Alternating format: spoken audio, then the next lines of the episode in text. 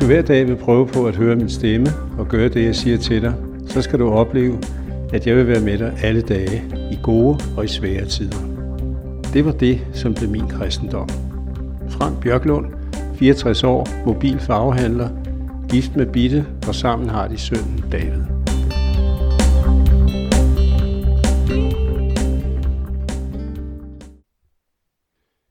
Der var en gang, du blev bedt om at købe skinker og blomkål med hjem.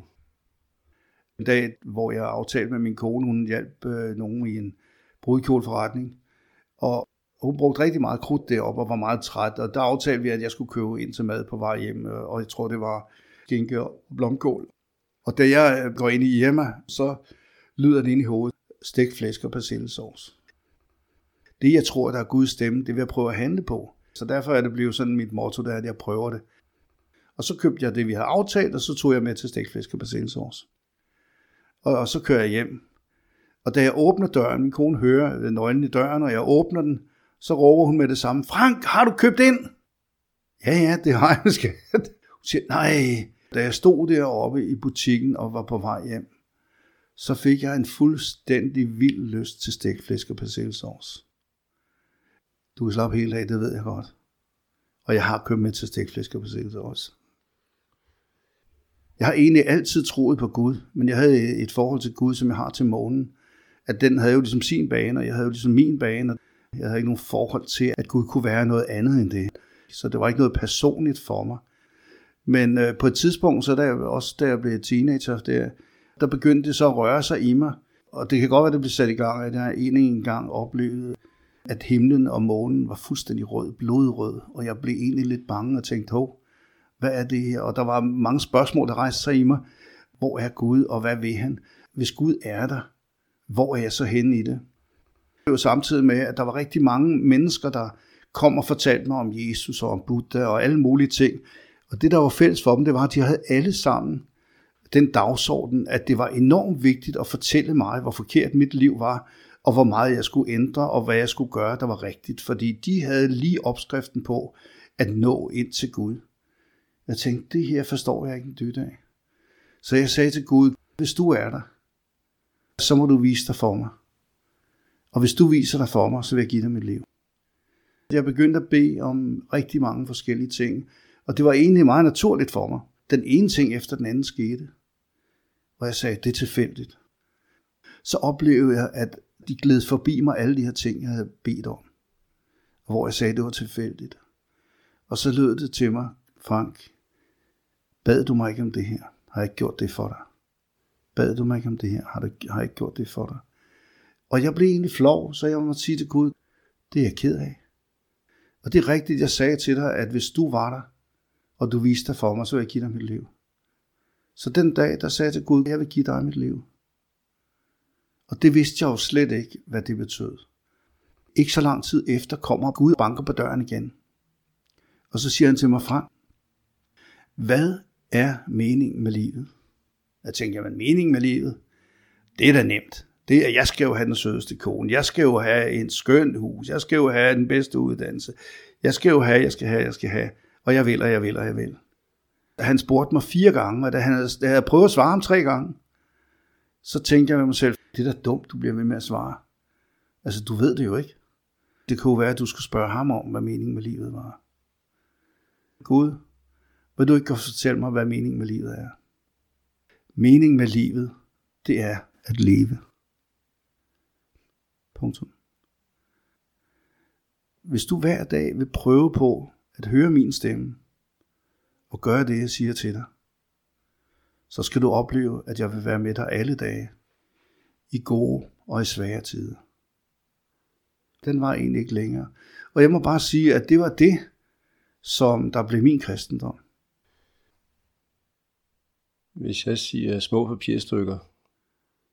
En dag, hvor jeg sad i, i, Volvo, i min gamle Volvo, jeg havde sådan en gammel Volvo 544, jeg sad, og jeg havde lige siddet med et stykke papir der, mens jeg røg min smøg, og tømte mit askebær ud på, på, på gulvet der, eller ud på, på fortoget, så, så, så, øh, så havde jeg siddet med et stykke papir, og det sad jeg og rev i små bitte stykker, og så smed jeg det ud af vinduet. Og der på vejen, så kunne jeg godt mærke, at det ligesom ulmede i mig, så sagde han, Frank, øh, hvorfor gjorde du det? Øh, det havde jeg jo ikke noget svar på, sagde han. Og jeg kunne godt mærke, at det her, åh, åh, nu trækker det op. Nu kommer der et eller andet, så sagde Frank, altså det der råd med dig, hvorfor skal andre gå og rydde op efter dig? Du skal da være ansvarlig. Hvad, hvad er det, du laver? Hvorfor det kan du da ikke tillade dig? Så, så jeg synes at du skal samle det der op. Og jeg kunne godt mærke, at den her, den var ikke til diskussion. Så jeg ærgede mig gul og grøn over, jeg siddet og revet de her papir i små bitte stykker og smidt skøjder ud på vejen. Øh, fordi jeg vidste godt, at der var kun én vej, og jeg måtte bare ud og ligge på asfalten på knæ der. Øh, og ligge og samle alle de her stykker op til at samle dem det, det sidste år. Hvordan øh, holdt du op med at ryge? Jamen, øh, det var svært for mig. Jeg elskede, dengang jeg kom ind i kirken, der elskede jeg at ryge, og det var meget tit, at jeg satte mig med en gammeldags snade. Jeg havde sådan en gammeldags landsnade, landpip, der tog en kvart pakke tobak, og jeg elskede at sætte mig dernede på mit værelse og stoppe den her, og så sidde og se James Bond-film. Og jeg elskede at ryge simpelthen, så det var øh, hammerne svært for mig. Men da jeg begyndte at komme i kirken, så var det ligesom sådan rigtig mange, der sagde til mig, Frank, at du er en kristen, og du ryger. Og det kunne jeg ikke ligesom forhold, det kunne jeg slet ikke forstå, og jeg tænkte, at det har jo bare altid været naturligt for mig at ryge, og jeg elskede at ryge. Så derfor så, øh, så forstod jeg det slet ikke, og det blev faktisk lidt en konflikt, fordi at når jeg så jeg var til møder, og der var, der var jo nogen, der, der ligesom kaldte frem til forbund og sagde, hvis du har nogle problemer, så vil, jeg gerne, så vil vi gerne bede for dig, så, det, så, så, så du simpelthen kan blive hjulpet ud over det. Og der var der jo rigtig mange gange, når jeg, når jeg var til sådan en møde, så gik jeg op og sagde, men de synes alle sammen, at det er forkert, det jeg gør, at jeg ryger. Og så, øh, og så kiggede jeg frem og blev bedt for, og der skete ikke en dyt. Jeg smadrede den ene pibe efter den anden, og jeg ødelagde, jeg ved ikke, hvor mange cigaretter. Men det var jo ikke noget, jeg forstod inde i mit hjerte. Så, så jeg, havde, jeg oplevede bare en kæmpe konflikt, og de her smøger, de fyldte jo mere og mere i mit sind, så det eneste, jeg tænkte på, det var det at holde op med at ryge, og de der smøger, så jeg kunne slet ikke samle mig om noget andet faktisk. Og, og det var det ikke at være god nok, og, og så skulle jeg også leve op til, og igen de der krav, som jeg, jeg tænkte, det var jo det her, som alle de her religioner, jeg havde taget afstand fra. Og, og det sagde til Gud, jeg kan ikke forstå det Gud, nu har jeg bedt så mange gange om det. Og en dag, så stod jeg inde i kirken, jeg stod i venstre side, når man kommer ind i, ind i kirken der, og lænede mig op ad dørkarmen, og så kunne man kigge ind i kirkesalen. Og der, mens jeg stod der, så lød det sådan inde i mit ind. Frank, en dag holder du op med at ryge. Nå, jamen det var da dejligt. Så når folk efterfølgende kommer og sagde til mig, hvad Frank, ryger du? Ja, siger jeg, det gør jeg, men, øh, men en dag så holder jeg op med at ryge. Det har Gud sagt til mig. Hvad? Ej, det kan man ikke. Gud taler ikke på den. Nej, det er overhovedet ikke. Det er da noget sludder. Men ikke desto mindre, så vidste jeg, at det var det, jeg havde inde i. Og så skete der det, at en, en, en dag, et stykke tid efter, jeg stod det samme sted, og kiggede ind i kirken, som den dag, hvor han sagde, skulle om i ryge. Og så sagde han til mig, Frank, i dag, så holder du op med at ryge. Ja, sagde jeg. Og så gik jeg derfra, og så holdt jeg op med at ryge. Det var da underligt. Gud, hvad skete der? Dengang, da du røg, og det var et problem for dig, så havde du så meget fokus på det. Du kunne slet ikke se andet. Og det er sådan, at mennesker vælger det, de elsker mest. Og du havde haft dine smøger i mange år, og du havde røget, og du elskede det. Men du var så fokuseret på det, så du kunne ikke flytte din kærlighed til noget andet. Og da jeg sagde til dig, en dag holder du op med at ryge, der slappede du af, fordi nu var der jo en aftale. Så stille og roligt, så begyndte du at være åben for, at jeg kunne vise dig min kærlighed.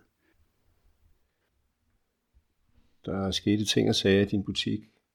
Jamen, øh, der, der var, det var en, en morgen derhjemme, jeg, det var en lørdag morgen, kan jeg huske, jeg bad, øh, inden jeg tog ind i butikken, og der, så, der sagde Gud til mig, Frank, øh, der kommer til at ske noget usædvanligt i dag i din butik. Okay, tænker jeg. Det var... Så jeg bad jo for det her usædvanlige, der skulle ske. Og jeg kom ned i butikken, og der var susende travlt. Og lige midt i det, at jeg havde travlt, så øh, i løbet af formiddagen, så kommer der en mand ind i butikken.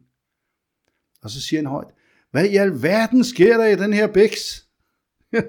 siger, det ved jeg virkelig ikke. Hvad, hvad i alverden oplever du?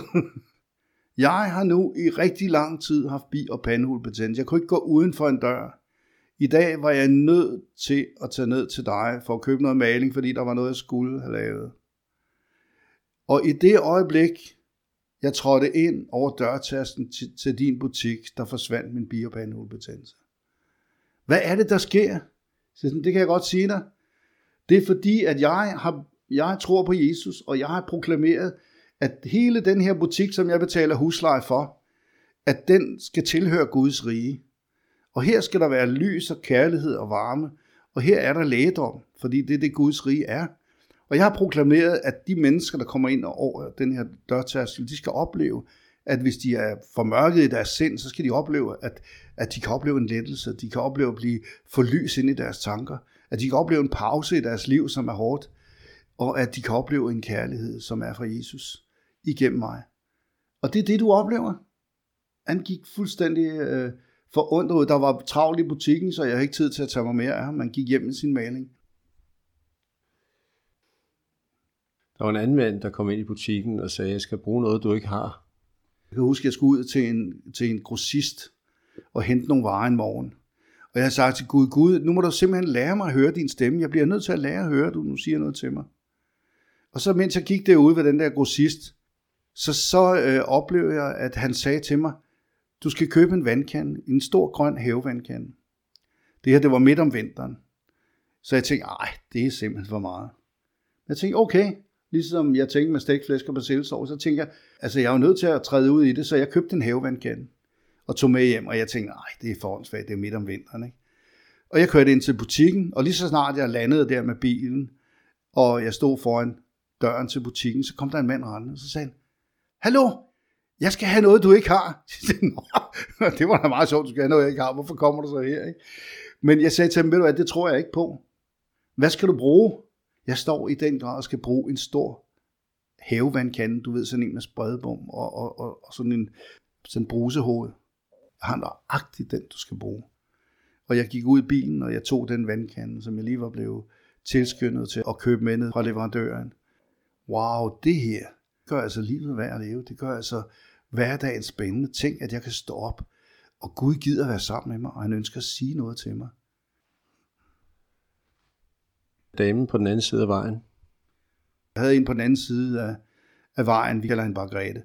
Og en dag, øh, og Grete hun kom sådan tit over og, og, og, og bare snakkede og hyggede lidt. Men en dag så kom hun over, øh, kom hun ind i butikken, og der var min gode ven Arne Jørgensen. Der, det, jeg havde mange, der sådan kom lige og fik en kop kaffe, og det var sådan en varmestue, hvor folk de, ligesom kom og oplevede øh, lidt af livet, oplevede øh, bare at være, og få lov til at være. Og alt imens jeg fik lov til at bede for dem, eller vidne for dem om, hvad Jesus havde gjort i mit liv. Og så kommer Grete her, og så siger hun, jeg har så mange smerter i min højre arm, op i min skulder. Hun kunne slet ikke bevæge den, og, og den er helt, jeg er helt kold. Mine fingre er helt kolde, jeg fryser helt vildt. Så havde jeg sådan en tigtræstol dernede, som jeg havde malet rød, med sådan en sort nappa, sådan en sort nappa betræk på, og det var sådan vores bedestol. Så Anna og jeg, vi sagde til Grete, sæt dig ned på stolen her. Og så bad jeg Gud om, at han måtte bare møde hende, og i den grad bare komme med sin varme, og jeg bare vise, at han var der. Og så oplevede Grete, wow, hvad sker der, så? Hvad sker der? Jeg siger, hvad, hvad oplever du? Jamen, jeg, jeg, jeg blev fyldt med sådan en varme. Og der kom sådan en varme ned igennem, op fra hovedet af, ned i armen. Og hun oplever, hvordan at den her kulde, den blev fortrængt. Og før vi bad for hende, der havde jeg lige givet en hånd for at mærke, om, om det var rigtigt, om det bare var gas, og hun var iskold. Men, men da vi bad for hende her, der oplevede hun simpelthen bare, hvordan at hun fik førligheden tilbage i armen, smerterne forsvandt, og hun, hun havde en varm hånd, da hun gik. Det er en mand, der ringer og siger så, når jeg har fået forkert nummer. Jamen, det var så også en speciel ting, fordi at, at jeg har en mobil farvehandel, øh, haft det igennem 20 år nu, hvor jeg startede noget nyt, og køre ud til folk. Vi lavede den første mobile farvehandel i Danmark, hvor jeg kørte ud og ekspederede folk og sådan nogle ting der. Jeg solgte rengøringsartikler, gardiner og alt muligt, patienter og malinger og sådan noget. Så en morgen, så ringer telefonen, og så siger jeg, det er Frank, uh, Living Color. Nå, siger han, jeg skulle tale med den og den. Jeg kan ikke huske, hvad navnet var. Jeg har ikke sådan en i firmaet her. Nå, men så har jeg da ikke, så har jeg fået et forkert nummer. Så lød det sådan til mig. Frank, han har ikke fået forkert nummer. Han ved bare ikke, det er dig, han skal snakke med. Okay, så måtte jeg jo tænke hurtigt. Så siger jeg til ham, ved du hvad, jeg tror da ikke, du har fået forkert nummer. Jeg sælger da både rengøringsartikler og alt muligt. Og det viste sig, det var lige det rigtige, jeg sagde, fordi han siger, Nå, gør du det? Jamen det gør jeg også. Og, og stille og roligt, så, øh, så oplevede vi så at få en dialog i gang. Vi sad og snakkede lidt frem og tilbage. Han var sådan en gammel, rigtig sådan en gammel, øh, helt vild med jazzmusik og alt sådan noget. Men han havde, var kommet til at drikke lidt for mange bajer og var blevet alkoholik. Han var blevet skilt, og der var så mange ting, og han sad og var fuldstændig fortvivlet i sit liv. Og han sagde til mig i morges, da jeg vågnede, der var jeg så ked af det. Og jeg sagde, Gud, hvis du er der, kan du så ikke lade mig møde nogle mennesker, så jeg ligesom kan mærke, at du er der. Og på det tidspunkt havde jeg sådan en gruppe, jeg havde samlet også af nogle kunder, og der skete det, at Bent han kom med hjem. Og han oplevede simpelthen bare at mærke den varme. Og han kom så i den der gruppe, vi havde der sammen, og han gav sit liv til Jesus. Han sagde, jeg vil rigtig gerne være på det hold. Du har fået et billede, og det har du delt med mange mennesker, som har været rigtig glade for at høre det. På et tidspunkt, der stod jeg i en forsamling, og der gav Gud mig et billede, hvor jeg så en byggeplads. Og der var rigtig meget gang i den her byggeplads, diskutere at lukke den af, og, og diskutere at være færdige, så de kunne aflevere byggeriet. Så der var gang ind alle steder. Der var mennesker alle mulige steder, og, og alle skulle have løst deres opgave. Der fokuserede mit billede ind på en dame, som stod i sådan en selvlysende øh, arbejdstrøje øh, der. Hun skulle have flyttet sådan en klods, en af de her, man bruger til vejarbejder, de her betonklodser. Og hun kunne ikke få den flyttet. Hun prøvede at få nogle mænd til at hjælpe sig med at flytte den, og, og de kunne ikke flytte den. Og, og hun blev så fortvivlet, så hun hoppede op på den her, og så råbte hun af sine lungers fulde kraft, hjælp! Og i det øjeblik, hun råber hjælp, så hører jeg sådan en brumme, sådan en meget, meget dyb brumme. Så kom der en kæmpe kran, der kom kørende. Så lød det ud gennem vinduet. Skal du have hjælp? Hvor til hun svarede, hun var stået fuldstændig måbende. Ja, ja, sagde hun, men, men, men mindre kunne vel gøre det. Og så lød svaret tilbage fra førhuset. Jeg er så stor. Jeg er ikke mindre men jeg kan også løse små opgaver. På et tidspunkt fik du fem ugers retræte, som du ikke kunne sige nej til. Gud havde i mange år sagt til mig, at jeg skulle gøre mit hus salgklart, og jeg skulle lade være med at gøre så mange andre ting. Jeg skulle drosle ned for kirketing. I 2016 til nytår, der jeg beder Gud om at give mig et ord, eller noget, som jeg ligesom kan, kan bruge til at løse mine konflikter, eller de ting, der møder mig det nye år salme 127. Nu stiger det bare med mine ord, der siger han, øh, hvis ikke Gud han bygger huset, så er bygmesterens møje forgæves. Gud, han ønsker at give sin ven det i søvne, som andre må stræbe efter hele livet. Og, og det var jo meget sjov, så jeg røg jo på Facebook der øh, til nytår og skrev, nu skal I bare høre, 2017, det bliver det år, hvor jeg kommer til at sove allermest. Og det var jo kvæg, at hvis jeg skulle have noget i søvne, var jeg jo nødt til at sove, og hvis Gud vil give mig alt det søvne, som andre vil bruge hele deres liv på at få, så skulle jeg jo sove rigtig meget. Så det var sådan humoren, og jeg tænkte, der skulle jeg sove allermest. Januar måned, den 20. januar, jeg øh, blev kold en aften. Jeg havde haft noget med bronkitis og sådan lidt forskelligt med hoste og sådan noget. Jeg fik det meget underligt, og jeg synes, det her det var, det var anderledes. Jeg sagde, Gud, hvis ikke det her det er gået over næste morgen, så ringer jeg til min læge. Og det havde jeg ikke for vane at gøre normalt, fordi jeg har været selvstændig i mange år, gået på arbejde med lungebetændelse og alt muligt, fordi det, det gjorde man jo, når man var selvstændig, og man ikke havde nogen andre til at passe butikken. Så det var jo sådan, mit liv var. Men, men der, der vidste jeg, at der skulle jeg ned til min læge. Det endte med, at hun tog en måling på brystet og tjekkede min hjerterytme. Hun sagde, jeg er ikke sikker på det her, Frank. Jeg bliver nødt til at ringe til akutten. Så de ringede til akutten, og det vil sige, at jeg blev indlagt med det samme. Jeg lå der og ventede på, hvad det skulle. Og mens jeg lå der, og jeg havde fået sådan en smerte i min venstre arm, det klemte rigtig meget sammen. Og så mens jeg lå der og ventede på, at de lige skulle finde ud af det, så oplevede jeg bare, at øh, det opløste smerten forsvandt. Jeg fik det rigtig godt. Og så, øh, men nu var jeg jo kommet på akutafdelingen, så de undersøgte mig. Og da jeg lå der, så sagde de, Frank, det er helt galt. Du skal simpelthen have en bypass. Så der, der blev jeg indlagt til at få en 4 bypass. Men øh, den ene gang efter den anden, jeg skulle jo opereres, så sagde de, din, din operation blev udsat. Og det gjorde de i tre gange. Altså i tre uger havde jeg ligget derinde.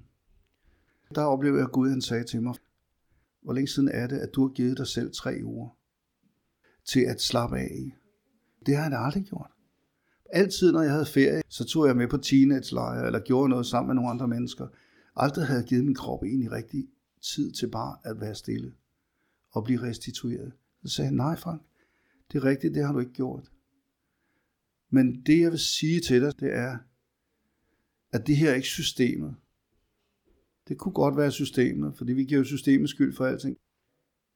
Det er min kærlighed til dig, at du ikke er blevet opereret. Fordi da du kom ind, så var du så stresset. Hvis du var blevet opereret der, så havde din krop ikke overlevet. Så havde du været død. På grund af min kærlighed, så har jeg gjort det sådan, så du bliver udsat. Og der gik faktisk to uger mere, før jeg blev opereret. Men da så sygeplejersken kom der, og sagde til mig, far, nu er du blevet udsat fire gange. Vred sine hænder, hun syntes, det var pinligt. Du blev udsat. Nej, hvor er jeg glad for det. Tusind tak skal du have. Hvad siger du, sagde hun? Jamen, nu skal du bare høre, siger jeg, jeg er en kristen. Gud har faktisk fortalt mig, at hvis jeg var blevet opereret første gang, så var jeg død. Så jeg er dybt taknemmelig over, at du fortæller mig, at jeg blev udsat. På et tidspunkt, så bliver du taget af politiet på, var det Lyngby omfartsvej? Jeg vil sige, at det var en fartfælde. Øh, fordi at øh, det var så forvirrende, de signaler, der stod, så stod der 110, så stod der 80, så stod der 50, så, og så inde bag ved en gravko og alt noget, der havde de så placeret en, øh, ved en vejbaneskift og placeret sådan et fart, øh, sådan en fartmåler der. Jeg tror, der var, jeg ved ikke om det var 8 eller 16.000, hvor mange der var faldet i den der fælde også. Men øh, det skal ikke være nogen undskyldning for mig, men det, jeg fik en tilsigelse fra politiet, at jeg havde kørt for stærkt, og jeg havde kørt 40 km for stærkt, så at, øh, eller 40 procent var det vist, jeg var blevet øh, målt, og at jeg var blevet frakendt mit kørekort. Betinget frakendelse af kørekortet det. Men jeg hørte ikke mere fra dem. Og det var jo fordi, at der var så mange, der var blevet taget på det derude, så at de skulle have den prøvet for højesteret, den der, om de nu fik medhold i det. Øh, og der gik halvandet år, så det her, det var i 2000, begyndelsen af 2015. Og så skete der jo det, at jeg fik øh, min blodprop. Da jeg så blev opereret i, i februar, så slut februar måned, skulle hjem, der fik jeg en tilsigelse. At jeg inden for et halvt år, det var der, hvor jeg lige var blevet sprættet op i øh, hele brystkassen der, og, og ikke rigtig kunne gøre noget, og var hammerne træt. Og... Så hvis ikke du består, så skal du uh, tage kørekortene enkeltvis. Så jeg havde et halvt år til at lære at tage kørekort. Det var mange år siden, jeg tog det første gang, så det var jo noget af en opgave. Og så lige oven i det andet der, så jeg følte virkelig, at livet gik imod mig, og jeg følte i den grad, at det her, det var hårdt. Og så sagde han, det der er problemet, Frank, det er, at du har tillagt dig nogle vaner, som ikke er særlig gode. Du vil bestemme alting selv, og du er ikke særlig bøjelig. Du synes godt, at du kan tillade dig at gøre, hvad du har lyst til, selvom andre har sat reglerne. Hvis jeg skal bruge dig til det, jeg gerne vil bruge dig til, så er du nødt til at lære at være underordnet de beslutninger, som nogle andre tager. Og jeg har jo været leder, kan man sige, i mange år. Øh, på en eller anden måde, så er der nogen, der har fulgt efter mig, eller så har jeg været ungdomsleder, eller så har jeg været leder i nogle forskellige sammenhænge, jo også som butiksleder. Og så, så derfor så har jeg ligesom været vant til at tage nogle beslutninger og gøre noget. Og tit er jeg, har jeg også taget nogle forkerte beslutninger om at tage konsekvenserne af det. Og så sagde Gud til mig, Frank, jeg vil vende det her lort, som du har lavet til gødning. Jeg vil bruge det som gødning. Og så skal du bare vide, at der findes ikke noget som gødning, som lort, der kan bruges som gødning. Og det gødning har så meget potentiale i sig, så at det kan få noget helt nyt til, til at, at gro frem. Så hvis du bare vil være ærlig omkring dit liv, hudløs ærlig, og ikke prøve at pynte på de ting, du gør fejl, men erkender dem, og lad det være åbent, så skal du opleve, at jeg vil lade noget nyt gro frem i dit liv. Så skal du opleve, at jeg vil bruge dig. Og så skal du opleve, at bare være Frank Bjørklund og lykkes.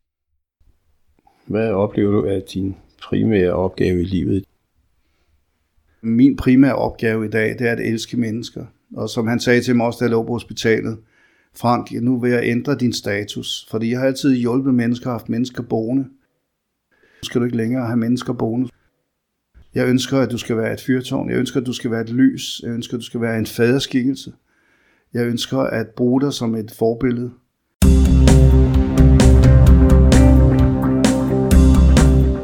optaget og redigeret af Bjørn Hansen.